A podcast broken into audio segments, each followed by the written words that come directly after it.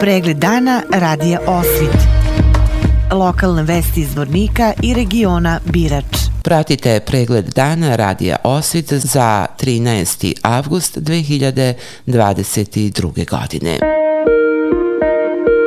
U okviru projekta adaptacije i rekonstrukcije objekta Doma zdravlja u Zvorniku u toku su radovi na urođenju prilaza ovoj zdravstvenoj ustanovi. Ispred Doma zdravlja radnici rade na rekonstrukciji prostora, čime će se obezbijediti lakši pristup ustanovi vozilima službe hitne pomoći. Također će biti uklonjena i bočna rampa u ulici Sime Perića. Nakon svih radova bit će uređen prostor između Doma zdravlja i apoteka sa bočne strane još jednog ulaza u ovu ustanovu i bit biće postavljene behaton kocke. Radovi na uređenju prilaza Domu zdravlja finansiraju se iz budžeta grada Zvornik.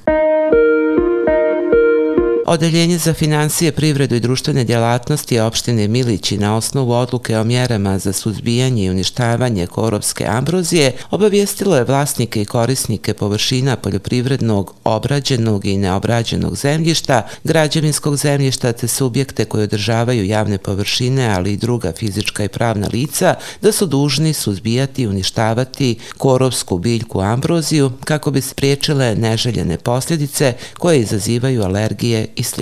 Ovom odlukom predviđene su i novčane kazne u rasponu od 200 do 2000 konvertibilnih maraka. U narednom periodu navedeno je iz Odeljenja za financije, privredu i društvene djelatnosti opštine Milići bit će vršene pojačane kontrole od strane poljoprivrednog inspektora i komunalne policije. Crkvena opština Mlađevac poziva vjernike na slavu hrama Sveti Stefan u ponedeljak 15. avgusta. Svečanu slavsku liturgiju na praznik prenosa mošti u svetog prvomučenika i arhiđakona Stefana služit će vladika eparhije Zvorničko-Tuzlanske gospodin Fotije. Prema programu proslave Krsne slave hrama Svetog Stefana na Mlađevcu doček vladike Fotija je u 8 časova, dok će arhijerijska liturgija početi u 8.30 časova. Za pravoslavne vjernike u nedelju počinje gospojinski ili bogorodični post koji će trajati 14 dana, sve do praznika uspenja presvete bogorodice. Post je ustanovljen u čas presvete bogorodice. Gospojinski post traje od 14. do 28. avgusta, a po strogosti dolazi odmah poslije vaskršnjeg posta. Posti se na vodi, osim subotom i nedeljom, kada se dozvoljava upotreba ulja i vina u prehrani, kao i na prazni preobraženja gospodnjeg, kada je u ishrani dozvoljena upotreba ribe.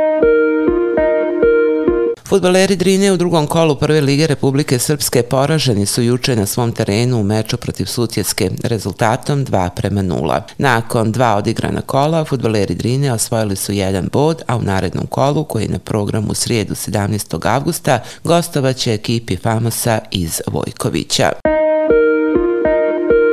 Vijesti iz Loznice. Humanitarna organizacija Srbi za Srbe organizovat će večeras od 19 časova na terenu osnovne škole Kadinjača tradicionalni humanitarni turnir u brzom šutiranju trojki, trojka iz bloka. Kako je saopšteno iz ove organizacije, cilj turnira je prikupljanje pomoći za socijalno ugroženu porodicu Slavujević iz sela Jarebica. Do sada se Loznica dobro pokazala na nadmetanju trojka iz bloka, a nedovno su Srbi za Srbe saopštili da je na području ovog grada postavljeno stotinu donatorskih kutija ove humanitarne organizacije, čime je Loznica, ako se izuzme Beograd, postala prvo mjesto na svijetu sa tolikim brojem kutija.